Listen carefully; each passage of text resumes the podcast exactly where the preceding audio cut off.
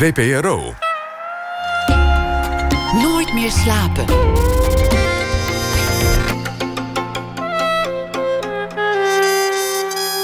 Met Pieter van der Wielen. Goedenacht, dit is Nooit meer slapen. Wanneer houdt een seksuele fantasie op een fantasie te zijn? En moet je zeggen, wacht, stop, dit is een stoornis. Oké, we gingen niet meteen oordelen. Dat was het plan. Het plan achter Yes Please, een project, een boek, een uh, tentoonstelling ook geopend dit weekend in Maastricht van Marielle de Goede en Lucas de Man. En de vraag was, het idee was, vraag mensen, honderden mensen in een caravan op verschillende locaties naar hun seksuele fantasieën en probeer niet te oordelen. En dat is dus een boek geworden, een heel project. Vrijheid en kwetsbaarheid keert steeds terug in het werk van mijn gastkomend uur, Lucas de Man, de helft dus van het duo achter uh, Yes Please. Hij is uh, theatermaker, presentator, in het kort een creator, zoals hij het zelf noemt. Hij had eerder projecten over mannelijkheid. De man is lam. Maar ook bijvoorbeeld ooit over varkensboeren. Deinst nergens voor terug. Kortom, Lucas de Man, geboren in 1982. Opgegroeid in Vlaanderen, studeerde in Leuven. En hij is tegenwoordig artistiek leider van eh, Nieuwe Helden. En ook televisiepresentator van meerdere kunstprogramma's. Lucas, hartelijk welkom. Goedenavond. Leuk dat je hier bent. Uh, Leuk dat hier mag zijn. Maar waar begon eigenlijk jouw jouw fascinatie met de seksuele fantasie? Um, nou, ik weet dat eigenlijk gewoon heel goed. Um, ik was 15 jaar en ik uh, uh, puber, hormonenbom, denk ik. Dus alles wat uh, prikkelde, wou je weten. En ik wist dat mijn ouders boeken hadden staan rond seks. Dus ik ging dan op zoek naar inspiratie. En dan neem je zo'n boek mee en dan verstop je dat in je bed. En dan s'nachts lees je dat. En dan hoop je dat je ouders niet doorhebben, stop je dat terug. En ik had eerst Masters Johnson gevonden. En ik vond het oerzaai ergens prikkelde dus mij. wetenschappelijk. En een beetje hardcore wetenschappelijk en heel veel cijfers, nummers. En ergens probeerde ik toch een soort erotische prikkel te krijgen. Want die blaadjes die mijn broer op zijn kamer had liggen, vond ik ook geil. Maar ik, ik wou een soort meer verdieping en context dan alleen maar een, een playboy of zo. En toen zag ik zo'n klein boekje staan, tussen van die grote wetenschappelijke werken. Namelijk Diepe Gronden van Nancy Friday. En dat was een, een boekje waarin dat dus de onderzoeksjournaliste Nancy Friday in de jaren 70, begin jaren 70, een annonce of een advertentie in de krant had gezet met de vraag: Lieve vrouwen, stuur mij uw erotische fantasieën op. Omdat zij vond dat in de seksuele wereld heel erg de man benadrukt was als wilde ideeën en de vrouw was toch behoorlijk huisvrouw en braaf enzovoort. Zij vond dat idioot en terecht. En dus zij kreeg 400 reacties uh, van vrouwen. En ze heeft dat gewoon gebundeld in een boek. En wat ik zo goed vond aan dat boek was, zij schrijft eigenlijk heel kort zo tussentekst en ze kadert dat een beetje. En dan krijg je gewoon sec de fantasie van die vrouwen. En als 15-jarige dacht ik van, wauw, hier fantaseren mensen, dus vrouwen of mensen, allemaal. Ik vond ten eerste de vrouw tegen mijn achting van wauw naar geniaal. En ten tweede dacht ik, uh, de mens is, is fantastisch. Dus ik ging naar mijn toenmalig vriendinnetje die ik één keer gezoend had.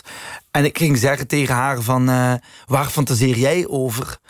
En ik gaf haar dat boekje met het idee van... gaat het over dieren, gaat het over krachting, vertel maar. En dat was in West-Vlaanderen, waar ik vandaan kom. Dus dat is een heel uh, katholieke, heel erg... Je, je, je praat niet en je werkt gewoon. En als je eigenlijk moeilijk hebt, dan ga je alcohol drinken. Dus uh, dat was nogal moeilijk voor dat meisje om daarop te antwoorden. En de jaren daarna bleek ook dat heel veel van de vriendinnetjes die ik had... nooit over seks praten, nooit over fantasie, er niet over nadachten. En mij of heel raar vonden dat ik daarover begon... of heel dankbaar waren dat ik er uiteindelijk over begonnen was. Dus ik, en dat was ook waarom mensen in jouw achting stegen, omdat die er wel over konden spreken. Ja. Dat was eigenlijk waarom je dat zo kon waarderen dat dat in het boek gebeurde. Nou ja, het, het, idee dat je gewoon mag zijn. Dat alles, dat alles oké is. Dus dat je dus blijkbaar fantasie kunt hebben over... Er stonden dingen over dieren of over verkrachting of zo. En dat dat oké was. En ik had al die fantasieën niet in dat boek. Maar het idee dat, dat, dat iemand dat had en mocht... dacht ik, oh yes. Gelijk wat er in mijn hoofd of in mijn lijf afspeelt... Uh, is goed, zolang je er maar over uh, praat... of zolang het maar consensueel is, wat ook Nancy in dat boek schreef. Alleen, wat mij opviel is dat jaren daarna... dus dan word je wat ouder en, en volwassener... Dat, dat er eigenlijk heel veel over seks werd gepraat en geschreven... maar heel weinig over de psychologische kant erachter... of over het, het, het, de verbeelding eigenlijk van seksualiteit. Dus heel veel de problematiek van seks... en de pathologie van seks en de, en de fysiologie. Zoveel uh, erogene zones zijn er en zoveel manieren om iemand negen keer klaar te laten komen enzovoort. Wat allemaal trouwens niet werkt als je denkt dat je dat gewoon moet gaan doen en dan klaar. En voor mij was de grootste confrontatie het feit dat ik dus heel erg graag goed wou zijn in bed. Dus heel veel las. En dan dacht, yes, weet je, ik heb alle nu heb ik het. Ik weet het hoe het moet. En dan lukt dat bij een meisje. Dan denk je, oh my god, ik ben de koning. En dan loop je over straat en denk je, iedereen weet dat ik uh, uh, goed in bed ben. En dan krijg je een nieuw vriendinnetje. En dan doe je exact hetzelfde, want je weet hoe het moet. En dan tikt ze jou op jouw hoofd en dan zegt ze... Wat ben je aan het doen, Lucas? En ik ga het moment nooit vergeten dat ik dus echt op mijn hoofd getikt word met de vraag: wat ben je aan het doen? Na tien minuten, wat mij betrof, geniaal uh, mondwerk, maar wat haar betrof, de meest saaie beurt ooit. Dat lijkt me niet erg motiverend. Het concept hier in, in dit geval was dat jullie mensen apart namen in een daarvoor ontworpen caravannetje. Bijvoorbeeld op Lowlands, maar ook op andere locaties. Honderden mensen zijn het geworden in totaal. Die hebben jullie gewoon de simpele vraag gesteld: wat is jouw seksuele fantasie? Ja, dan moet toch... genoeg gingen die mensen dan praten. Ja, nu, nu doe je het alsof het soort van allemaal voorbedachte raden is en heel makkelijk ging. Maar als ik heel eerlijk mag zijn. Uh, kijk, we hadden het daar juist over mijn 15. Dan skip ik eventjes zoveel jaren. Dan ben ik het project aan toen De Man is Lam, waar je net over had. En dan spreken we een aantal seksuologen. En dan zeggen die tegen ons, toen we het hadden over seksualiteit en de man... dat ze eigenlijk vooral bij de jonge generatie, zowel bij mannen als vrouwen... dus laten we zeggen alles onder de 40... een enorme uh, groei zien aan uh, angststoornissen, seksuele stoornissen, seksuele prestatiedruk. Dus heel veel uh, jonge koppels komen naar de seksuoloog of jonge mensen met het gaat niet of ik kan het niet of ik zit vast. Of Men heeft het gevoel tekort te schieten. Ja, en ik vond dat dat raakt mij enorm. Omdat ik ook in mijn eigen, kijk, ik heb nu een fantastische relatie, maar ik had daarvoor was ik wel vaak grote periodes vrijgezel. En dan deed ik wat heel veel jonge mensen doen. Dan ga je toch daten en dan iedere keer heb je weer iemand anders. En, en soms voelde dat heel leuk en soms voelde dat heel leeg. Maar wat ik merkte is, vanaf dat je dus het hebben van seks was geen probleem. Maar vanaf dat je erover ging praten en wat, wat, wat wint jou nu eigenlijk echt op? Waar zit je echt mee? Dan plotseling kwam die toch, wat ik de Hollandse muur noem. Maar het idee van, uh, we zijn heel open behalve als het echt over emoties gaat. En echt over kwetsbaarheid gaat. En, en daar moest je doorheen prikken. En dan had je veel leukere seks of veel leukere intieme relaties. En ik moest wel iedere keer door die muur heen. En ik dacht van, eigenlijk zit er niet een taboe op seks. Er zit ook niet een taboe op dat we, want we hebben het constant en, en we mogen het eigenlijk hebben. Hè. Het is niet raar als je met vijf We zijn seksueel bevrijd. Dat, ja, dat is zo gezegd. Alleen uh, het delen van jezelf, het laten zien wie jij bent, waar je naar verlangt, is super kwetsbaar, omdat dat persoonlijk is. En dus seks is universeel en kwetsbaarheid is persoonlijk. En dat persoonlijke delen, dat, dat je doet niet snel. Meer nog, steeds minder snel blijkt dus van een aantal experts die wij gesproken hebben. En ik zag dat in mijn eigen privéleven, ik zag dat bij mijn vrienden.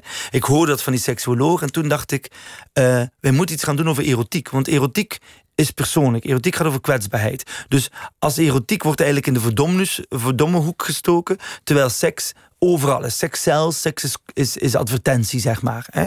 En ik wil niet advertentie, ik wil geen reclame, ik wil persoonlijk en kwetsbaar. Dus wij dachten, en dit is echt mijn grootste falen van dit project, weet je wat we doen? We vragen topschrijvers uit Vlaanderen en Nederland. We laten hen een erotisch kort verhaal schrijven. We vragen topacteurs. We laten die, die erotische verhalen inspreken. En dan gaat een publiek in een soort hele mooie ruimte komen. En dan kunnen ze zelf kiezen welke verhalen door welke stemmen ze horen. En dan geef een soort ode aan de erotiek. Dat was mijn hele plan. En ik had daarvoor gespaard, dus met onze organisatie gespaard. En wij zo echt een paar grote namen gevonden. En die hadden allemaal braaf een verhaal opgestuurd. En sommige verhalen waren, hmm, andere waren dat je denkt, oké, dit is dan uh, erotisch. Topacteurs gevraagd die ik nog kende, allemaal ingesproken. En toen had een testpubliek. En toen was het gênant. En ik had daar dus niet over gedacht. Maar het publiek moest dan invullen, wat vond je hiervan? En we kregen een zes of zoiets gemiddeld op tien of een vijf. Wat was er zo gênant? Wat, wat, wat omdat, er men, omdat het persoonlijk is. Dus mensen zeggen dan van, ja, ik vond deze stem niet goed. Ja, hij gebruikt het woord pikken, daar hou ik niet van. Uh, dit verhaal vond ik niet erotisch. Dus elk, elk verhaal dat goed was, dus gewoon goed geschreven verhaal... kreeg van de ene uh, wel erotiek, van de ander niet. En toen kwam ik erachter, je kan niet tegen iemand zeggen... hier, dit is een erotisch verhaal, dit gaat jou opwinnen... dit gaat jou prikkelen. Dit is heel particulier uiteindelijk. Super persoonlijk. En dat is precies ook wat je net zegt over, over die tips in de mandenbladen... Van, van zo maak je haar gek. Ja, of hem. De een, een misschien wel, maar de ander maar nee. word je op je hoofd getikt. Ja, kijk, het idee natuurlijk dat er een soort vijf stappenplan is... en dan komt iemand is bullshit. Omdat het grootste seksorgaan is natuurlijk je, je hersenen, je, je hoofd. Je kan op maandag iets lekker vinden, dat woensdag niet meer... en op donderdag weer wel. En dat is zowel bij mannen als bij vrouwen. En je kan een, in, een, in je hoofd super bevrijd zijn. En je kan... Nou, ik heb echt als je fantasieën samen, als met partners samen fantaseert, dan alles kan. Je, en, en heel veel mensen zitten niet in de standaard heteronormatieve uh, één op één seks die we toch toch bijna eigenlijk nog steeds overal zien. Um, maar wat ik toen bedacht, dus ik dus moet bedenken, ik had al mijn geld opgedaan. Ik had een boel verhalen van bekende schrijvers en ingesproken bekende stemmen en het werkte niet. En dat is de eerste keer in mijn leven dat ik zo ver in een project gegaan ben om te beseffen dat het niet werkte. Dus ik dacht wel een beetje, dit is, uh, dit is klaar, dit project. Weggegooid geld, zonder van de tijd, ja. een, een flop. En toen, en toen, en toen kwam dit. Dus, dus ja. een, een caravan en een, een heldere vraag vertel me eens jouw seksuele fantasie. Hoe kreeg je mensen zover om te antwoorden? Nou ja, omdat, omdat kijk, wij beseften toen als het persoonlijk is, moet je het mensen zelf vragen. En ik ging dus terug naar Nancy Friday. Wat vond ik toen daar zo goed aan? En wij dachten, we zetten op Facebook... wie wil er even komen zijn erotische fantasie vertellen... in de studio van Marc Albert, onze geluidskunstenaar die meedeed. En uh, kom maar af. En toen hebben tien mensen gewoon zich aangemeld... om ergens in een bedrijventerrein... naar een, naar een studio te komen van twee mannen die je niet kent... die daar samen heel nerveus voor een microfoon zitten, zoals wij nu. En dan waren dat van een man van 70, een vrouw van 50, twee jonge meisjes van de 20, één vriend van mij die, die dacht, doe mee. En we hadden geen plan. En, en, en we hadden ook geen geld meer, dus ons idee, laten we kom, nog die interviews doen. En die tien mensen, die dag, waren alle tien zo openlijk eerlijk. Er waren mensen die dachten, oh ja, dat vind ik tof. Een onderzoek naar erotische fantasie. Dat we dachten, en die vertelden gewoon hun verhaal. Wij waren nerveuzer dan zij. Maar wij, er gebeurde daar iets in dat, in dat gekraakte studiopand. Namelijk een soort kwetsbaarheid en eerlijkheid. Het was niet geil. Het was niet opwindend, maar het was uh, enorm prikkelend dat iemand openlijk vertelt waar die over fantaseert. Een half uur later kwam er weer iemand. Een half uur later kwam er weer iemand. En het is heel persoonlijk. Het is fantasierijk, althans niet allemaal. Mhm. Die fantasieën, je kan ze categoriseren. Nou, het, het overgrote deel gaat over seks met meerdere mensen. Een trio, een kwartet, een, een quintet. Daarna noem je het gewoon een orgie, geloof ik. Man, man, vrouw, vrouw, vrouw, man, alles ertussenin. Ja. Dat, is de meest voorkomende categorie, ja. Dat is eigenlijk waar iedereen meteen over begint. Ja, nou kijk, eh, jouw vraag was van hoe, hoe komt dat mensen zo snel uh, open deden? Dat caravans hebben gemaakt omdat je intimiteit moet creëren. En, en, en ik denk eerlijkheid. Wij zeiden, we willen dit gaan doen, want we vinden dit belangrijk. En mensen zeiden, oh, dat, dat vind ik eigenlijk ook wel interessant. En wij waren bang dat we alleen maar heel erg een soort van de, degene die heel graag open durfde praten zouden krijgen. Alleen dat dat door, door naar de plekken te gaan, daar moest een caravannetje zijn. Dus niet meer allemaal naar Noord in Amsterdam-Noord in een of andere bedrijventerrein. Want daar moet je toch wel echt ballen voor hebben om daar naartoe te gaan. Maar gewoon, je staat op de huishoudbeurs. Je staat op de Lowlands. En je staat ergens op een machtplein in een dorp. En mensen, uh, tien mensen zeggen nee. En één iemand zegt ja. Of iemand zegt uh, ik weet het niet. En komt toch zitten. En dan, wat er dan gebeurt is, mensen, wij vroegen wat is jouw meest favoriete fantasie op dit moment? Dus niet vertel maar wat je wil. En wat wint jou daar precies in op? En dat wat wint jou precies in op, weten mensen vaak niet. Maar door een interview te doen, door vragen te stellen, komen ze er samen achter. Dus men begon vaak met trio, men want dat kent men. Men begon vaak met iemand nog erbij. Maar als je echt gaat doorvragen, zie je, want het boek heeft negen categorieën. En de meest voorkomende is groepseks en feesten die uit de hand lopen en trio's en zo. Maar er, er staan gelukkig nog acht andere categorieën met de meest leuke verhalen en fantasieën. Omdat mensen eigenlijk perfect dan begint het, Dan begint het pas. Want, want op zich zou je zeggen, als iedereen een trio wil, dan moet het toch ook wel haalbaar zijn. Er ja. zou zelfs een app voor te ontwerpen moeten zijn. Die bestaat al. Maar, uh, het, Ongetwijfeld. Er staat voor alles een app tegenwoordig. Maar kijk, de, er is een verschil tussen de realiteit en de fantasie. Wij spraken ook veel mensen die zeiden: Ik heb een trio gehad. En dat was toch veel gedoe of praktisch, of communicatie, of noem maar op. Ik wist niet waar ik moest beginnen of ik wist niet waar ik moest eindigen. Ja, ja nou ja, of je eindigt niet waar je wou. Maar kijk, het, ik denk dat, en, en er zijn ook mensen die zeggen: ik heb een trio gehad. En de fantasie bleef eigenlijk even cool omdat, omdat de fantasie in de trio eigenlijk dan... de trio dat goed was, hielp de fantasie. Sommige mensen zeggen, en daarna had ik een ander fantasiedoel. Ik denk niet dat er een logisch gevolg is van... als je de fantasie uitvoert, is die weg. Dat is soms, maar niet altijd. Alleen ik denk het idee dat je dus extra aandacht krijgt... of extra veel beleving krijgt... dat fascineert mensen natuurlijk enorm. Je zou kunnen zeggen, dat was mijn eerste gedachte... als je gewoon de meest gezochte zoektermen op porno-sites afgaat... dan weet je al een beetje waar de fantasieën liggen. Ja. Maar er zit toch wel ruimte tussen je eigen fantasie en wat je wil zien. Ja. Dus ik kan me voorstellen dat dat niet één op één correspondeert. Nee, maar kijk, porno, porno gaat over lustbevrediging. Dus, dus we hebben de Pornhub-categorieën, dat is de grootste porno-website ter wereld. Eh, voor België en Nederland kun je dat gewoon zien. Wat is het meest ingetikte? En die zijn totaal anders dan onze fantasie die het meest voorkomen. Omdat je fantasie gaat over het zoeken naar vrijheid. Je fantasie gaat over het zoeken naar wie jij mag zijn als je denkt van nu ben ik volledig vrij. Porno gaat over toch directe prikkeling. Wat vast, dus sommige mensen is dat één op één. Bij anderen is het oké, okay, maar, typ maar iets leuks in. Het geeft mij een directe bevrediging en ik ben klaar. En dat is dus redelijk oncomplex. Porno is behoorlijk directe lust. Ik ben ook niet tegen porno. Porno is gewoon, uh, gewoon makkelijk, zeg maar. Het is gelijk vlug een hamburger eten, vlug een broodje Maar het is niet wat je zocht. Wat je zocht is de kwetsbaarheid, de vrijheid, de, de, de fantasie. Het gaat dus voor een deel over wie doen er mee aan, aan het spel en hoeveel mensen zijn dat. Of het gaat over vreemden of juist collega's of mensen met wie je het eigenlijk niet zou moeten mogen doen. Familieleden las ik ook. Het gaat over de locatie. Seks in een wasstraat, seks eh, in een klaslokaal, ga ze maar door. Dan gaat het over de handeling. Daar kan je ook allerlei uh, gradaties en variaties in, in thuis brengen. Zintuigen. Zintuigen. Uh, verbodene versus het uh, bekende. Sommige mensen fantaseren heel erg over wat ze kennen. Anderen juist om hetgeen dat ze niet willen, bijvoorbeeld. Fantaseren niet willen. Kijk, voor mij... Macht, onderwerping. Heel veel. De tweede meest voorkomende categorie is macht. En, en alle vormen van BDSM, zeg maar. Dus bondage, pijn vastgebonden worden, noem maar op. Bij mannen en bij vrouwen. Kijk, er zijn twee dingen die me heel erg opvallen. Opvielen, maar nog steeds.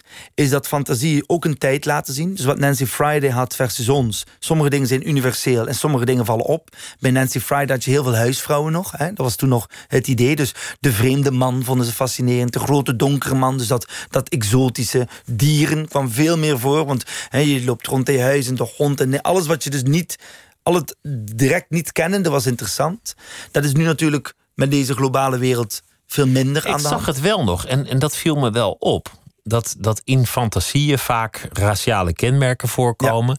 En dan blijken sommige stereotyperingen toch, toch verdomd diep te liggen. Gaat het over een donkere man, dan, dan valt meteen ook het woord groot. Ja. Gaat het over een donkere vrouw, dan valt meteen het woord wild. En gaat het over een Aziatische vrouw, dan gaat het over uh, Klein, ondergeschikt. Verlegen, ja. Nee, maar wij zijn, kijk, ik denk dat wij. Um, uh, dat, is, dat, is, eigenlijk lelijk dat, dat, dat dit soort koloniale stereotyperingen zeggen, ja. nooit verdwenen zijn. Nee, dit nee. komt recht van de plantagecultuur. Ja, nee, maar dat is uh, welkom in Nederland en in België. Ja, we zijn natuurlijk Hier zie je het ineens. totaal nog niet gedecolonialiseerd aan de ene kant. Uh, en aan de andere kant zie je er veel minder dan vroeger. Dus in die zin is het wel een goed teken. Nu zie je veel meer genderverwisselingen. Dat hadden ze vroeger veel minder. Dus man en vrouw die van geslacht veranderen. Of van dus in onze fantasieën vorderen we wel degelijk. Ja, dus eigenlijk wat wij zagen is... De fantasie zijn universeel. Dus wij dachten dat er veel meer verschil tussen man, vrouw... of uh, LGBTQ versus hetero en zo zou zijn. Dat valt enorm mee. Er zijn een paar dingetjes. Maar eigenlijk qua inhoud valt dat mee. Wat je wel gewoon ziet, is uh, dat er een aantal tendensen met de cultuur en de tijd zijn. Daar ben ik ook heel benieuwd om straks uh, in andere landen fantasie te gaan verzamelen. Maar in België en Nederland, wat je natuurlijk enorm ziet, is de prestatiemaatschappij en de druk. En de, het moet, je moet fantastisch zijn en je moet geweldig zijn. En hoe de fantasie dat tegenkleurt. Was je ooit gechoqueerd door fantasieën? Ja, men vraagt me dat altijd. En, en mijn eerlijke antwoord is nee. Uh, omdat wij echt gekozen hadden, alles mag. Maar ik heb wel soms zitten luisteren dat ik dacht van... wow, als jij dit fantaseert, dan... Uh... Verkrachtingsfantasieën. Ik wacht aan het eind van de steeg tot er iemand langs fietst. Dan ja. zou ik toch wel denken... Hmm, ja, vermoord worden. Ja. Gaat, gaat het vermoord worden vond ik ook een interessante. Ja. Ik vroeg me af, is dat strafbaar om vermoord te worden? Uh, ja. Ja, bedoel, ja, je bent medeplichtig aan een moord. Ja, er is een, als er je is je een, laat vermoorden, dan werk je toch mee aan een misdrijf. Ja, ja, er, is dus, er zijn bekende gevallen van uh, iemand die zich op een zoekertje doet. Op, dus mensen die zoeken doen van ik wil je opeten of ik wil je vermoorden. En iemand anders die daar akkoord op geeft. Alsnog word je veroordeeld, ja. Dat was in Duitsland, die zaak waar iemand zijn penis liet opeten... en met nootmuskaat bereiden. Ja, nou goed, ik weet niet goed of penis met nootmuskaat het beste gerecht is. Misschien moet je andere kruiden gebruiken. Maar wat Nooit ik wel... over nagedacht tot ik deze zaak las. Voilà, wat, wat dat de beste kruiden zijn voor penis. Maar ik weet wel, kijk, het is natuurlijk logisch dat je zoekt naar de extreme. Alleen, voor mij gaat het niet om die extreme. Omdat die, wij noemen het extreme omdat het voor ons extreem is.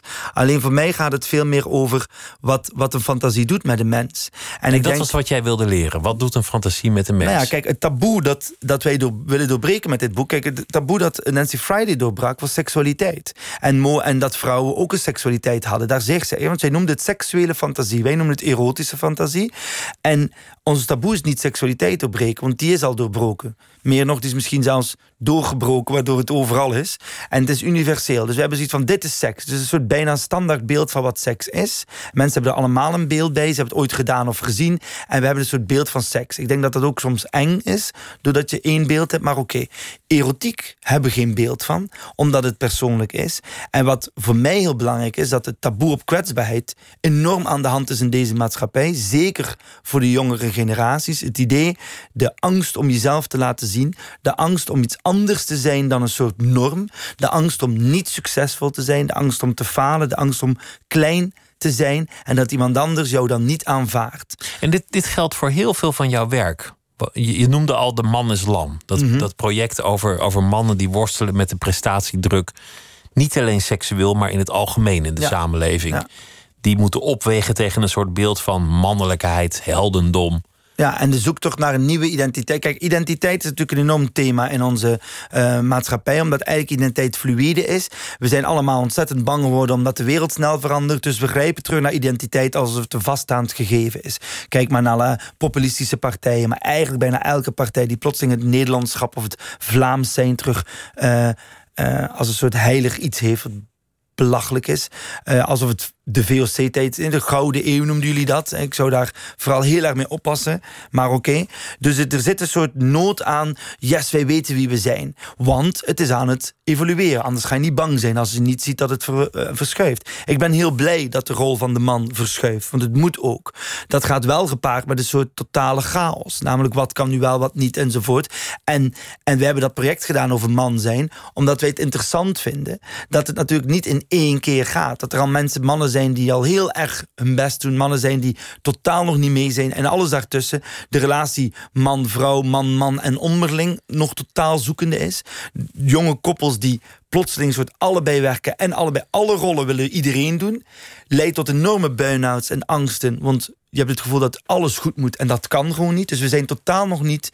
eh, herschikt in hoe we het wel willen gaan doen. We weten vooral wat we niet meer willen doen. Dat is stap één. En ik leef daar middenin. Ik ben die generatie. Ik zie dat bij mijn vrienden. En als kunstenaar of als creator vind ik dat ik werk moet maken over wat er speelt. En de man is lam was natuurlijk een mooie ja, variatie op jouw naam. Lucas de man. Ja. Dat, dat paste Ja, mooi. En islam, dus de man islam. Dus we hadden, ik, speel, ik deed het samen met Rashid Elkawi en eh, Ahmed Polat. Dus we hadden het echt over man zijn in verschillende lagen. hè. Dus bang voor de, vroeger was het bang voor de zwarte man, nu is men bang voor de moslimman. En dus de angst voor wat, je, voor wat niet jou is. En omdat de moslimcultuur zo'n stevige, duidelijke identiteitscultuur is, wat het trouwens niet is. Hè. Bedoel, er zijn zoveel duizenden variaties daarbinnen, maar oké, zo lijkt het, zijn we er bang voor.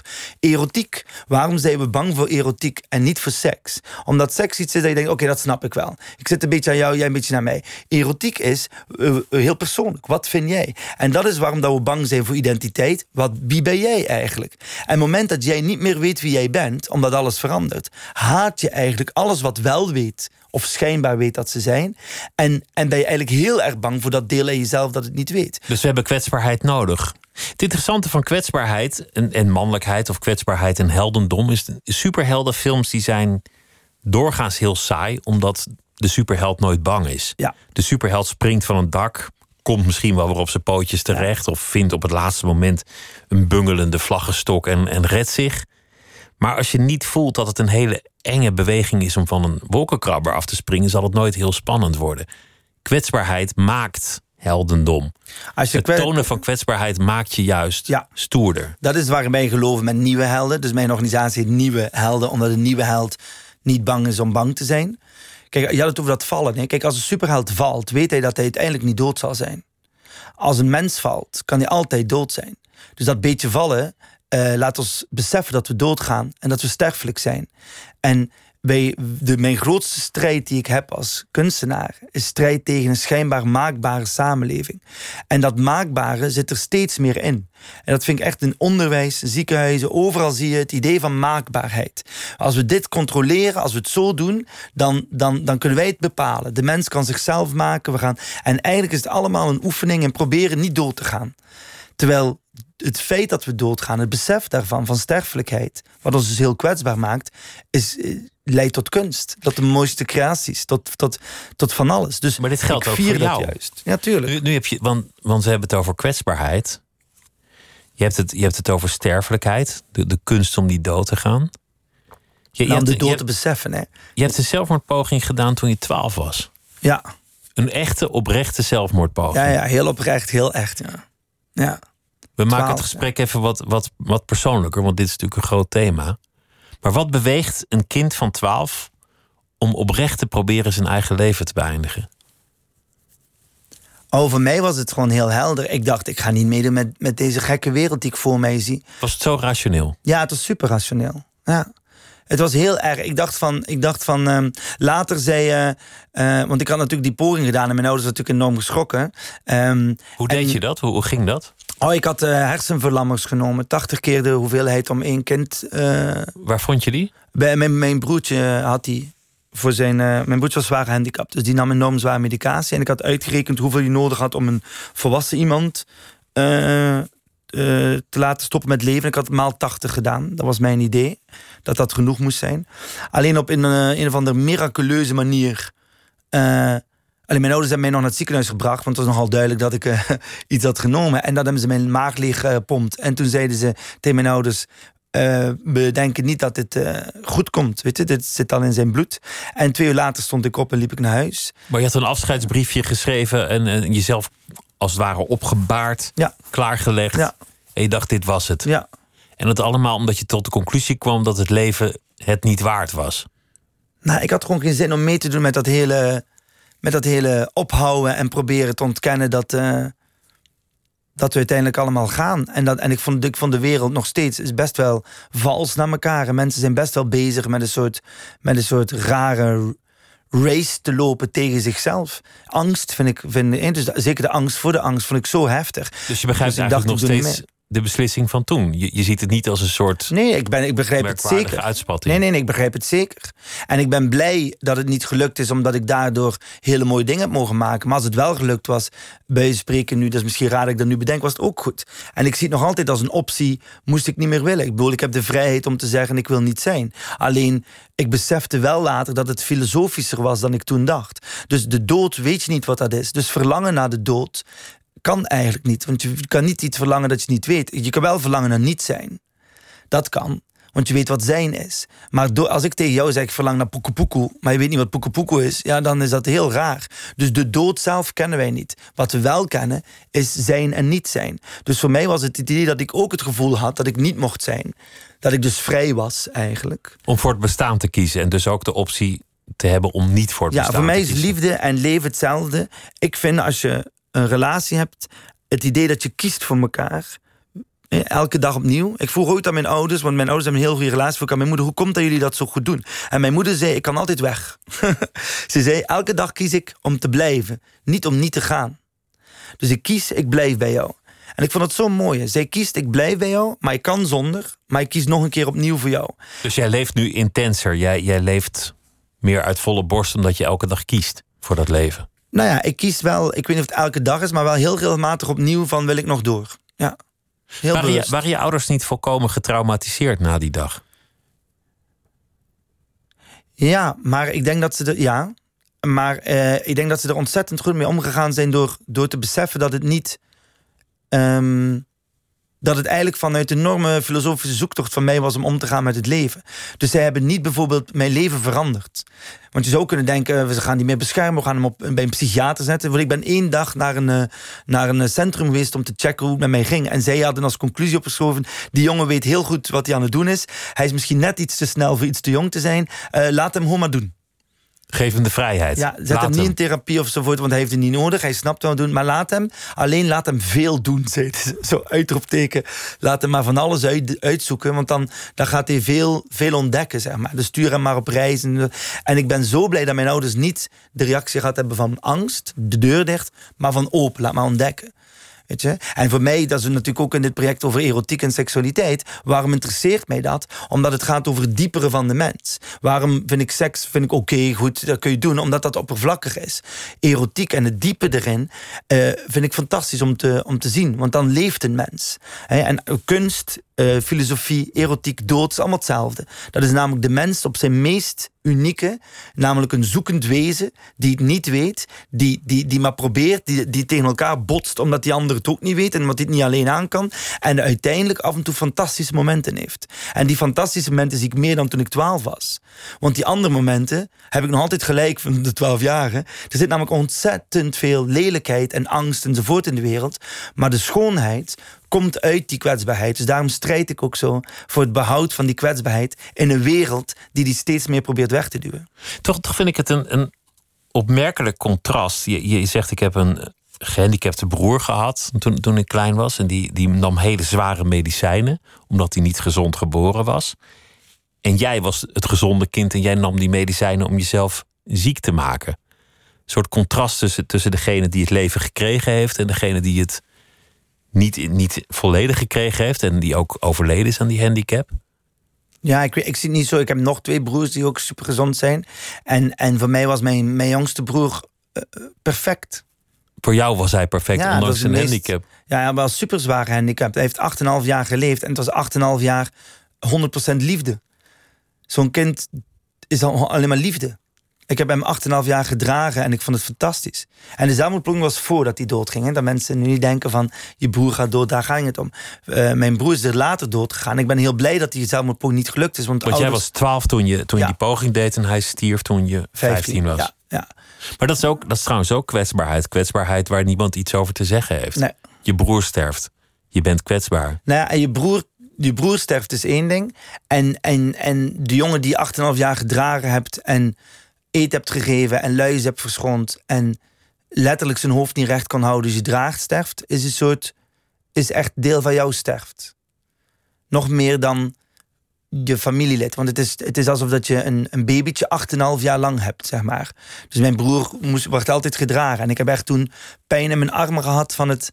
Ik heb toen gevechtsport gaan doen, omdat ik miste het, het, het, uh, de kracht in mijn armen van iemand te dragen. Maar hij was kwetsbaar, maar jij was ook kwetsbaar daardoor. Ja, maar hij was veel krachtiger dan ik. Want hij was 100% pure kwetsbaarheid. En ik ben ook, net zoals jij en alle mensen, uh, heel veel uh, uh, schijnbeweging aan het doen om die kwetsbaarheid maar niet toe te laten. Dus mijn broer was 100% puur kwetsbaar. En ik ben hem nog altijd dankbaar dat ik dankzij hem een minder grote eikel ben dan ik waarschijnlijk was geworden als hij er niet was geweest. Want zonder die kwetsbaarheid was je een eikel geworden. Allemaal, wij allemaal. Ik denk, ik denk dat wij zachtheid en liefde en kwetsbaarheid nodig hebben in ons leven om, om, om sterk te zijn. En als we die niet hebben, zak, kijk, als je een kind niet draagt of liefde geeft de eerste drie jaar van zijn leven, wordt het een heel erg vreselijk kind. En als je het alleen maar pampert en beveiligt, want dat geeft ook geen liefde, wordt het ook een vreselijk kind. Een kind loslaten, maar wel liefde geven, veiligheid en loslaten tegelijk, dan, dan wordt het een mens. Namelijk een krachtige kant en een kwetsbare kant. En voor mij is kwetsbaarheid het meest krachtige dat er is. Alleen ook het meest moeilijke dat er is. Dus als je in het meest intieme, die erotiek, als je op het meest intieme moment durft te zeggen: Ik zoek, ik weet het niet, hoe zit het bij jou? Dan, dan, en dan kun je heerlijk vrijen. En vrij bedoel ik dan eigenlijk in de meest metafysische zin van het woord.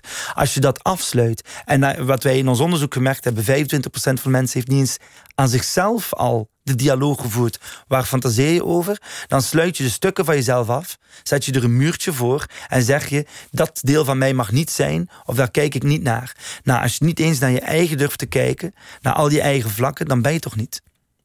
Vrijheid en kwetsbaarheid zit, zit in al jouw voorstellingen, in al jouw werk.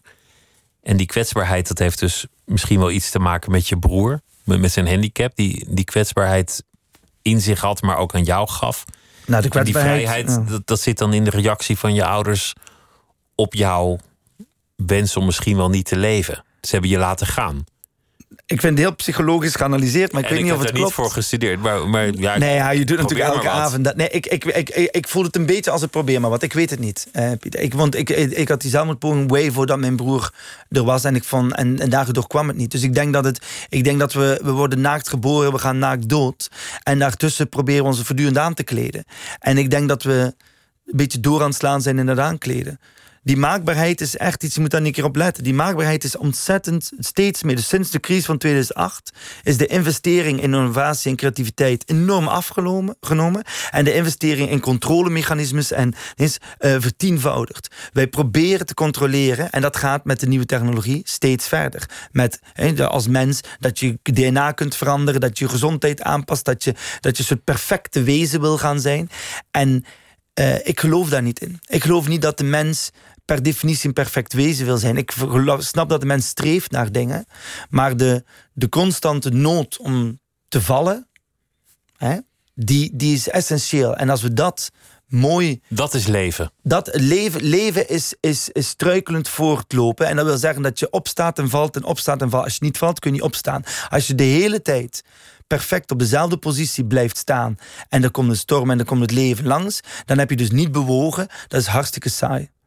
Als je wil leven, moet je vallen en lopen en rennen en struikelen en opstaan en niet. En neem dit zo metafysisch als je maar kan.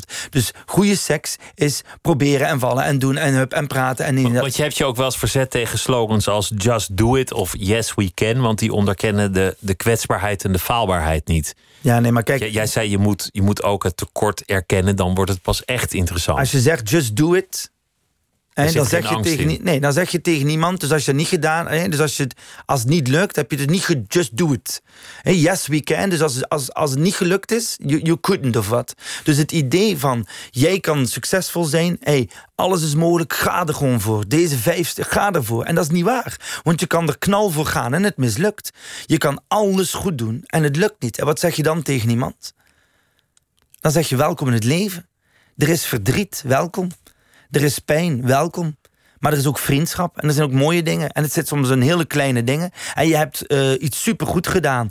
En toch praat er niet echt iemand over. Of je hebt iets fantastisch gedaan. En, en de dag daarna word je wakker. En guess what? De aarde draait door. En eh huppakee, weer verder. Dus het, het volhouden van het leven. En het tevreden zijn met jezelf... is een veel moeilijker oefening dan just do it of yes we can. En mijn generatie is opgevoed met het idiote idee van maakbaarheid... en dat je je eigen succes kunt maken. En daar komt al dat falen vandaan. Al die burn-outs, al die kwetsbaarheid, al die. eh Nou, ja, kwetsbaarheid is goed, maar al die burn-outs en al die zelfmoorden... Hè, het zelfmoordcijfer bij jonge mensen is enorm hoog... van ik ben niet goed genoeg. Ik Het- heb gefaald, ik moet er maar niet meer zijn. Ja, en dat is een, dat is een zelfmoord die ik nooit eh, wil verdedigen. Iemand die zegt, ik wil niet meer, ik heb goed gedaan. Weet je, ik, ik kies om het leven te stappen, prima. Iemand die, maar, de, maar 99% van de zelfmoorden is, is, ik ben niet goed genoeg, eh, is paniek op het einde. En, is, en, en mannen vier keer zoveel als vrouwen. En dat, dat is opnieuw niet praten, niet delen, niet communiceren, niet kwetsbaar zijn. En zeggen kapot. En burn-outs enzovoort, allemaal hetzelfde. Het idee van ik moet fantastisch ik moet goed doen. En alles moet kunnen en go, go, go. Want de anderen kunnen dat, dus ik ook. Ten eerste, de anderen kunnen dat niet. En jij ook niet. Weet je, en mijn, mijn zoektocht om te mogen gewoon weer als mensen te communiceren met elkaar. Die, de nood die we hebben om samen te zijn. En we zijn steeds minder samen.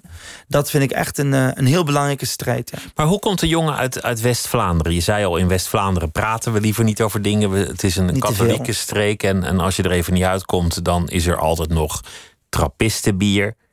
Hoe kom je dan in de wereld van het theater terecht? En wat was het moment dat je dacht, dit moet mijn leven zijn? Want je, je, je, bent, je bent nogal gedreven, om het zo Ja, te ja zeggen. zeker. wat je zeker doet. omdat, omdat het, is, het, was, het is dat of dood. Het is dat of dood. Wanneer wist je dat? Nou, best vroeg.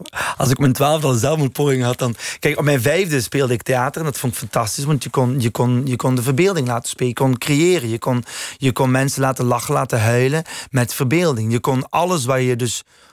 Kijk, kunst zorgt ervoor dat alles waar we net over hadden... dat je dat een context kon geven zonder dat je iets oplost. Zonder dat je zegt... als je het zo doet, is het, is het voorbij.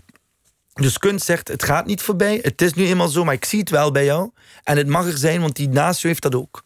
Dat doet kunst. Dus nu wordt kunst constant aangevallen. Hè. Er wordt weer al bezuinigd op kunst. In een tijd dat zo zegt hoge economie is en zo ook conjunctuur en het zal allemaal wel. Er wordt weer al bezuinigd op kunst. Omdat als je een maakbare wereld wil, is kunst gevaarlijk. Dan weet je dat niet. Weet je? Dan kunst is dan, maar eigenlijk is kunst super essentieel omdat kunst de mens mens laat zijn. Met al zijn ontwijfel en onzekerheid en zo. Dus ik snap dat mensen die de maakbaarheid voorstaan, kunst willen aanvallen. Alleen die mensen zijn vaak het meest onzeker van al. Die hebben het meest nood aan kunst.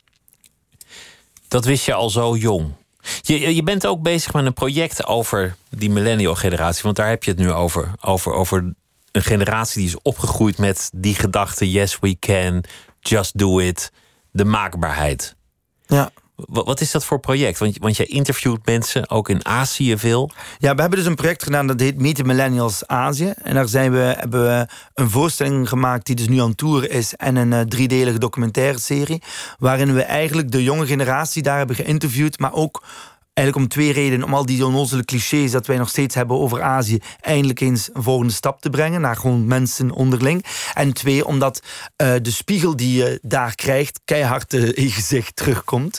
Omdat de, de, zij hebben de, in Azië wonen de meeste millennials... Hè, en in Afrika de meeste Z-generaties, onder de twintig, zeg maar. De millennials in Azië gaan, gaan de grootste verandering voor de toekomst maken. Zij maken de robots, zij maken DNA-analyse enzovoort. Dus wil ik mijn generatie daar leren kennen, moet ik naartoe. Dat was ons idee. En we hebben het gedaan over de toekomst van technologie. Een aflevering toekomst van, uh, of eigenlijk over burn-outs en stress, zeg maar. En een aflevering over intimiteit, seksualiteit en hoe virtualiteit eigenlijk invloed zal hebben op ons idee van intimiteit. En dat was fantastisch. We hebben daar twaalf weken gefilmd. En ik, heb, uh, ik kwam terug met veel te veel um, beeld- en geluidsmateriaal, maar wel uh, inspiratie voor tien jaar verder.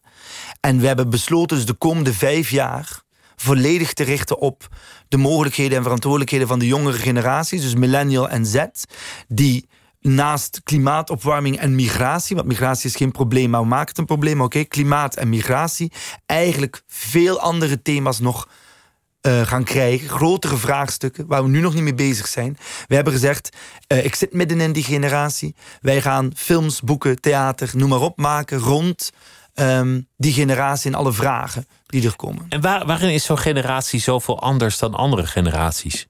Want bij het lezen van jouw boek over, over seksuele fantasieën dacht ik... er zijn dingen veranderd, duidelijk. Wat vroeger pervers was, is nu geaccepteerd. Ja. Dat soort dingen. Maar de essentie blijft toch altijd wel een beetje hetzelfde. Tuurlijk, want we zijn mens. Dus gelukkig blijft de essentie hetzelfde. Alleen de vormen en de nuances verschillen. Weet je, en in die zin denk ik dat elke tijd heeft zijn vraagstukken. Elke tijd, kijk maar naar elke goede kunstenaar, die is universeel, die snappen we nog steeds, maar die behandelde wel in een bepaalde tijd ook nog vraagstukken. Dus ik wil bezig zijn met de vraagstukken van mijn generatie. Daarom heb ik Yes Please, hebben we Yes Please gemaakt, dat project met tentoonstellingen en boeken en zo. Omdat erotische fantasie wel universeel qua tijd is, maar persoonlijk qua mens en iets laat zien over de tijd waarin je leeft. Maar daarom doe ik eigenlijk al mijn werk, als het goed is, heeft al mijn werk en iets actueels en iets universeels. Dus het actuele nu bijvoorbeeld is, wat gaat technologie doen met ons idee van sterfelijkheid, ons idee van kwetsbaarheid, ons idee van seks enzovoort. Wat gaat het feit dat wij onze eigen bacteriën kunnen maken doen met het, met het concept mens, bijvoorbeeld? Wat gaat de enorme focus op happiness doen met ons concept van verdriet, bijvoorbeeld? Dat zijn thema's die je kunt zeggen, dat is toch voor alle leeftijden belangrijk? Zeg ja, tuurlijk. Alleen degenen die er echt keihard in hun gezicht gaan krijgen, zijn de mensen die nu... Uh, onder de 40 zijn en straks bedrijven en steden runnen, uh, lesgeven aan onze kinderen enzovoort. En met hen wil ik wel de dialoog aan, ja. Het is, het is grappig dat, dat ik dit zat te lezen vandaag over jouw thema, kwetsbaarheid en, en de maakbare samenleving. Terwijl op de radio het alleen nog maar ging over een, een virus dat onze economie aan het nekken is. En het angst leuke voor een virus. De angst voor een virus die de, die de economie nekt, hoe je het ziet. Dat bewijst eigenlijk hoe ontzettend niet maakbaar dingen zijn. Nee, ik ben de, de natuur is er altijd geweest en zal er altijd zijn. En sterfelijkheid en ziekte zijn er altijd geweest. Het is een, het is een uh, totaal verloren strijd. De mensen die denken, Uh, het is allemaal maakbaar. De mensen die denken we gaan terug in een, naar een glorietijd die er nooit is geweest. Dat is allemaal een verloren strijd. Het jammere is dat A, die strijd veel makkelijker is om uit te leggen. En veel meer stemmen, uh, geld, energie en liefde krijgt op dit moment. En dat zal jammer genoeg wel nog even duren. Terwijl de roep voor nuancering, voor dialoog, voor liefde, voor kwetsbaarheid, voor samen zijn. een op dit moment veel moeilijker gesprek lijkt. Terwijl dat zal overwinnen. Politiek is het zelfmoord als je zegt dat je niet de controle hebt. Dat je geen plan hebt. Dat je niet de juiste maatregelen bij je hebt. Dat je het niet weet. Dat je het niet weet. Dat je verrast bent, overvallen door de situatie. Ja. Dat je het hebt onderschat, overschat. Ja, dat is ook bij CEO's. Het is wel aan het veranderen hoor. Kijk, ik geloof, ik ben niet een, uh, alleen maar een negatief iemand of zo. Integendeel. Ik geloof heel erg in de in het idee dat je tegenkracht hebt. Bij elke kracht komt een tegenkracht. Ik denk wel, kijk, mijn grootste angst is niet dat het allemaal slecht gaat komen. Het gaat even wel een stuk slechter gaan. We komen in een enorme economische recessie dankzij de angst voor het virus. En dat ons hele systeem uh, zo globaal uh, heel kwetsbaar is. Recessies geven ook altijd weer mogelijkheden, dus het zal allemaal wel. Alleen ben ik bang dat dus de, we eerst door een dieper dal moeten voordat we weer naar een uh, blijere tijd gaan. Maar ik geloof wel dat er heel veel mensen zijn, ook die nu luisteren, die echt bezig zijn met hoe kunnen wij gewoon weer als mensen nog dichter bij elkaar komen en elkaar helpen en voor elkaar zorgen. In plaats van alleen maar te hopen dat je de beste wordt in alles. Het meest succesvol in alles wordt. En, en, en de tijd dat wij nu hebben met onze economie, met ons systeem, die enorm gericht is op dat super, super, super, ikke, ikke, ik die gaat uh, geleidelijk aan veranderen. Maar nogmaals, eerst naar beneden voordat we naar boven gaan. En dus mijn grootste strijd, wat ik zei, is het feit dat wij een grotere ongelijkheid gaan krijgen dan we nu hebben. Dat er meer mensen Door de crisis bedoel je, omdat dat mensen Crisis en technologie en maar wat als jij wel jouw kinderen kankervrij kan laten maken en het geheugen kan uitbreiden van jouw kinderen. Over nee, de komende twintig jaar zal dat mogelijk zijn. En, en jouw collega's niet, want die hebben niet de middelen of het netwerk. Dus ik ik voorspel een grotere ongelijkheid de komende twintig jaar. Tussen zij die mee kunnen en zij die niet mee kunnen. En ik vind onder andere aan mij om daar tegenin te gaan. Er zijn ook klinieken waar je bloed van jonge mensen in je aderen kunt laten pompen. Een bloedtransfusie met jong bloed. Ja. Dit, dit schaar ik onder de categorie: je hebt te veel geld en er is altijd wel iemand die het van je wil aannemen. Want kan me niet voorstellen dat het iets doet. Jawel, het, eh, het werkt heel goed. Men heeft het bij muizen getest. Dus als je dus een, een oude muis het bloed van een jonge muis geeft... is de oude muis een stuk jonger weer. Zo simpel is het. En het is illegaal nog, hè? maar rijke mensen in Amerika bijvoorbeeld... is er een club die dat gewoon doet. En het werkt heel goed. Alleen, het is natuurlijk, je vindt dus een jonger iemand die jij betaalt... om gewoon even zijn bloed door jouw bloed te laten stromen. En, en, en doe, dat is natuurlijk absurd. Maar dat, eh, dus, er komen een paar heel belangrijke strijden aan. De strijd naar eeuwig leven wordt een enorme. De race hè, tussen China en Amerika. Wie gaat als eerste echt die verjonging aangaan? Er komt een enorme strijd aan natuurlijk technologische upgrading, dat allemaal cyborgs worden en dingen kunnen. En de biologische race is heel groot. Wie gaat welke bacterie, welke virus, welke dingen ontwikkelen? Die en de weer, maar al die dingen kunnen de wereld beter maken, maar ook slechter. Dus ik ben niet bang voor de technologische vooruitgang. Maar, wel wat, wat bedoel je met het, wie gaat het virus ontwerpen? Wat, wat, nee, kijk, we kunnen nu al, in Nederland is dat heel groot, onze eigen bacteriën maken. Hè? Dus we maken bijvoorbeeld bacteriën die plastic opeten en zuurstof uitscheiden. Fantastisch voor die plastic soep. Hè? Dus we gaan onze klimaatproblemen gaan wij oplossen door uh, wat we allemaal kunnen met technologie enzovoort. Dus men kan eigen, gewoon letterlijk die dat je eigen bacteriën maakt. Dat is absurd. Men, kan daar, men gaat daar de komende jaren enorm in worden. Het feit straks dat je niet meer met zeep hoeft te wassen, maar dat je gewoon met bacteriën spuit en je bent gewassen. Je huis, je hebt geen uh, clean producten meer. Je spuit gewoon met een spuitbus. Dat zijn bacteriën die eten alle vuil op. Kan nu al, hè? Kan nu al. Men gaat de komende jaren alleen maar meer dat soort dingen ontwikkelen, omdat men zelf bacteriën maakt. Dus men maakt zelf alles wat nodig is. Maar maar als men dat kan, kan men natuurlijk ook alles nodig maken om je vijand uit te schakelen. Of kun je alles maken dat je nodig hebt om iemand pijn te doen. En opnieuw, we hebben nog geen dialoog over hoe we dit gaan aanpakken. Ethisch gezien bijvoorbeeld. Want er zijn nog geen ethische regels over. Alleen Europa is nu bezig met ethische regels over DNA-editing, over technologie, over noem maar op. China, Rusland, Amerika, India hebben dat niet getekend. Dus er komt een heel ander soort wat er vroeger race naar de maan was, komt er nu de race naar de nieuwe mens. Wie gaat als eerste die upgrade van die mens krijgen? En ik ga dat meemaken. Mijn generatie gaat dat volledig meemaken. En daar gaat de gesprek niet over. Het gaat over corona en over migratie en over de economie en over klimaatverandering. En dat is het dan. Dat is het hele gesprek. Terwijl het gesprek over wat gaat virtualiteit doen met onze liefde en onze seksualiteit. Wanneer ga je vreemd? Mag je trouwen met je robot of niet? Wat, wat is de grens van biologische manipulatie? Wat is de grens van DNA-manipulatie? Al die dingen gaan de gesprekken worden de komende twintig jaar voor mijn generatie.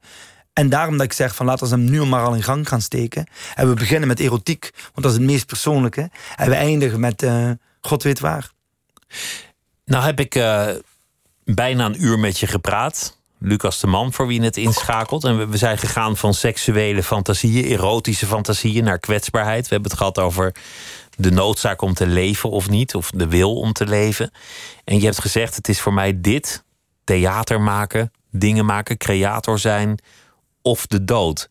En de energie waarmee jij vertelt, en, en, ik, ik weet ongeveer wat voor projecten jij allemaal doet, en dat zijn er nogal veel, die, die is weergeloos. Het lijkt alsof de duivel op je, op je hielen zit. Hoe zien jouw dagen eruit? Hoe ziet jouw leven eruit? Hoe laat sta je op? Hoe laat ga je slapen? Hoeveel afspraken heb je op een dag? Hoeveel dagen per week werk je? Lig je ooit op de bank naar het plafond staren? Hoe gedreven ben je eigenlijk? Hoe, manisch, hoe manisch ben je eigenlijk? Nee, ik ben helemaal niet manisch.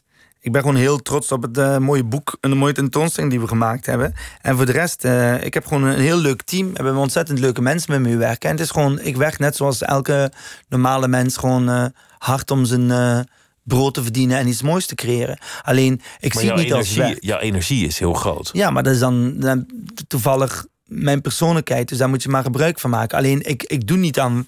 Kijk, ik heb werk, maar het is natuurlijk ook mijn creator zijn of creëren. Doe je niet even tussen 9 to 5. Dat, dat doe je omdat dat in je zit en daar ga je 100% voor. Of niet. Weet je, je kan niet een beetje creator zijn of een beetje werken. Dat kun je, dat kun je niet doen in ons vak. Want zelf als ik lig vaak trouwens naar het plafond te staren om op je vraag te antwoorden. Maar dan, dan doe ik dat om uh, de wereld te verwerken en uh, ideeën te krijgen. Dus in die zin is dat Kijk, als, als je dat allemaal meeneemt, is het ook werk. Dan, dan werk ik best veel, ja. Als je mij vraagt hoe vaak zit je achter een computer of, een of op een bureau, of dat niet veel niet zoveel. Nee, maar dat vind ik een soort prikkelokmentaliteit om dat alleen maar werk te noemen. Ja, nou ja, ik, ik, ik, ik hou enorm van wat ik doe. En ik vind het belangrijk wat ik doe. En op het moment dat ik dat niet meer belangrijk vind, ga ik het niet meer doen. En dus dus de, dat, dat, dat is het antwoord. En zolang ik zo'n mooie dingen mag doen als ik nu doe, met zo'n fijne mensen. En ik zie dat het iets veroorzaakt, ik zie dat het ook iets doet. Dan ben ik, ben ik, ben ik helemaal blij en dan uh, kan ik door. Wat je zei, het is dit of sterven. Als ik dit niet doe, als ik de, deze functie niet heb gevonden voor mezelf, dan. Ja dan, dan hoeft het niet meer. Ja, nou dan moet het niet meer. Dan moet het niet meer. Dan mag ik, dan mag ik stoppen. Dus zonder dat heeft je leven geen zin? Of, of is je leven het niet waard? Of, of hoe werkt Voor mij niet, nee. Nee, maar dat is, het is omdat ik dan niet mag zijn. Kijk, het gaat om vrijheid. Als ik niet mag zijn, waarom zou ik dan willen zijn? Weet je, ik ben hier op de wereld gegooid en, en ik weet dat ik doodga. Dus daartussen is het doe maar wat, weet je, doe maar wat. En voor mij is het zo, ik wil dan wel zijn, volledig mogen zijn met alles wat ik heb. Daarom ook dat boek gemaakt. Je mag zijn met alles wat je hebt. Als ik mezelf ga onthouden dat ik mag zijn, dan, dan doe ik niet meer mee. Ik ga niet in een soort zelfgekozen gevangenis zitten of zo. Daarvoor is het leven veel te kort. Dus ik creëer. En als ik niet mag, als er een soort rare wet zou zijn dat ik niet mag of kan creëren. En, daar, en, en ik kan dat blijkbaar stoppen, dan, dan ga ik dood. Alleen je kan, zelf al zouden ze mij in de gevangenis stoppen, dan ga ik creëren. Dan bedenk ik hele verhalen en hele projecten. En als ik eruit kom, voer ik ze allemaal uit. Of ik, of ik ga briefjes eruit smokkelen en ik schrijf een boekdoel. Je kan niet niet creëren. Dus in die zin, snap je, ga ik niet meer zelfmoord plegen, omdat ik altijd kan creëren en ik zorg ervoor dat ik dat kan. De manischheid, of wat jij noemt de tempo, komt uit mijn noodzaak om te mogen creëren. Uit mijn verlangen om op een gegeven moment te mogen sterven. Maar dat komt sowieso, dus dat cadeau krijg ik. Tot die tijd wil ik wel laten zien aan mezelf dat ik niet bang ben om te zoeken en om te proberen en om te falen en om te gaan. op het moment dat ik bang word voor, me, voor mijn eigen, dan, dan doe ik alles waar ik tegen ben. Namelijk in een hoekje zitten en bang zijn. Maar niet iedereen hoeft te doen wat ik doe. Hè. Ik doe het omdat ik het ben. Anders ben je niet vrij. Maar het mooie aan creëren is, je kan het ook volledig in je hoofd doen. Dat vind ik ook het mooie aan die, die erotische fantasieën. De meeste zullen nooit verwezenlijkt worden, maar dat maakt ze ook zo opwindend, spannend en interessant. Heerlijk. Kijk, als je dit boek doorbladert, wat ik er zo tof aan vind, alles is erin. Dus is echt, je, je krijgt de meest heerlijke, gelle, gekke uh, uh, idee die mensen hebben. Maar dat is wel puur wat in hun zit. Dus het feit dat hier 300 mensen uh, in zes, zes categorieën in zitten. En dat wij gewoon, van 300 mensen al 66 subcategorieën hebben kunnen analyseren, wil zeggen dat de mens heerlijk gevarieerd is. En of ik nu zo'n boek maak, of een toneelstuk maak, of mijn tv-programma's, het is verhalen vertellen, maar om aan mensen te tonen, het is oké. Het is oké dat jij bent en dat je misschien anders bent dan de ander en dat je misschien niet weet en dat je zoekt. Het is oké. En het is ook oké dat je denkt: had ik maar een keer seks met mijn vroegere gymleraar, zoals, zoals iemand in dat boek je weet het als dat er, dat er van zou komen dat het een zeer teleurstellende ervaring zal blijken. Waarschijnlijk wel, ja. Met meer nog, dat verhaal zei die persoon en ik walg ervan. Je hebt mensen die zeggen, ik, het idee om verkracht te worden. Veel mensen willen niet verkracht worden, maar het is het idee om het volledig te mogen loslaten. Om te zeggen van, ik geef alle controle af. Veel mensen zeiden, ik laat de controle varen. Weet je? En er gebeurt zeker veel vrouwen die in het boek staan... die zeggen van, en dan gebeurt gewoon van alles met mij. En het is oké, ik mag loslaten. Mannen die zeiden, en ik begin en, en, en alles wat, wat ik doe lukt. En zij of hij, mijn partner, vindt het fantastisch. Dus het idee, ik hoef niet alles perfect te kunnen... alles te controleren, het is geen prestatiedruk. Ik laat los. En kijk, ik ben nog altijd oké. Dat is een mooie paradox. Je verliest de controle en daardoor vind je vrijheid. Mhm. of, je geeft, of je hebt superveel controle waardoor je vrijheid vindt, maar die controle kan je zo afgenomen worden. Dus het idee van SM bijvoorbeeld, van bondage, dat nu zo populair is, ook in het boek. Het verlangen om vastgebonden te worden is niet een Thierry Baudet-uitspraak. Vrouwen willen gedomineerd worden en mannen zijn fantastisch. Dat is bullshit. En want evenveel mannen als vrouwen trouwens willen dat. Maar het is het idee van, ik laat alles los er gebeurt van ons en het is nog steeds oké. Dus het is super vrijheid om gewoon te mogen zijn. Dat vallen, dat je daar juist zo mooi zei. Het is, ik val en kijk, ik sta weer op en ik kan weer door. Het mogen vallen is vrijheid. Het bang zijn om te vallen is geen vrijheid. Want je bent voortdurend bezig, niet vallen, niet vallen, niet vallen. Maar het idee dat je merkt, ik val en ik leef nog, ik kan nog steeds door, ik ben nog steeds oké, dat is vrijheid. Toch, toch is, het, is het opmerkelijk dat mensen een beetje onderworpen worden, aantrekkelijk vinden terwijl ze het eigenlijk niet willen. Juist dat wat je niet wil is opwindend. Tuurlijk, want het, het laat een andere kant van jou zien. Het besef dat er meer is dan alleen wat jij zelf kan bedenken, is het meest heerlijke dat er is. Er is ook een tentoonstelling dit weekend uh, geopend in Maastricht. En ja, daar, daar, zijn, daar, zijn, al die verhalen te zien en te horen en te, te beleven. Ja. En het uh, boek dat is net uh, verschenen. Ik noem nog even de, de titel. Dat is Yes, Please. Een project van Marielle de Goede en Lucas de Man. Lucas, dank je wel dat je langs wilde komen. Ik wens je enorm veel plezier met alle nieuwe projecten. En met name ook het project over millennials. Ik zie daar naar uit. Dank je wel. Dank je wel ik mocht zijn. En jij ook veel plezier met al de rest. En zometeen uh, Miss Podcast op uh, NPO Radio 1 met uh, een gast die vertelt over de favoriete audiofragmenten. En Nooit meer slapen is er morgen nacht weer. Ik wens u een hele goede nacht.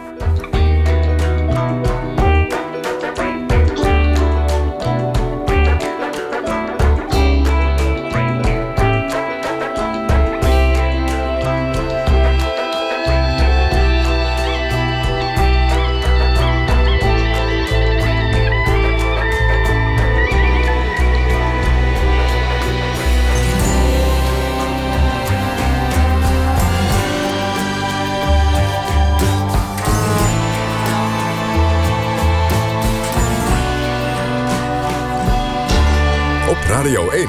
Het nieuws van alle kanten.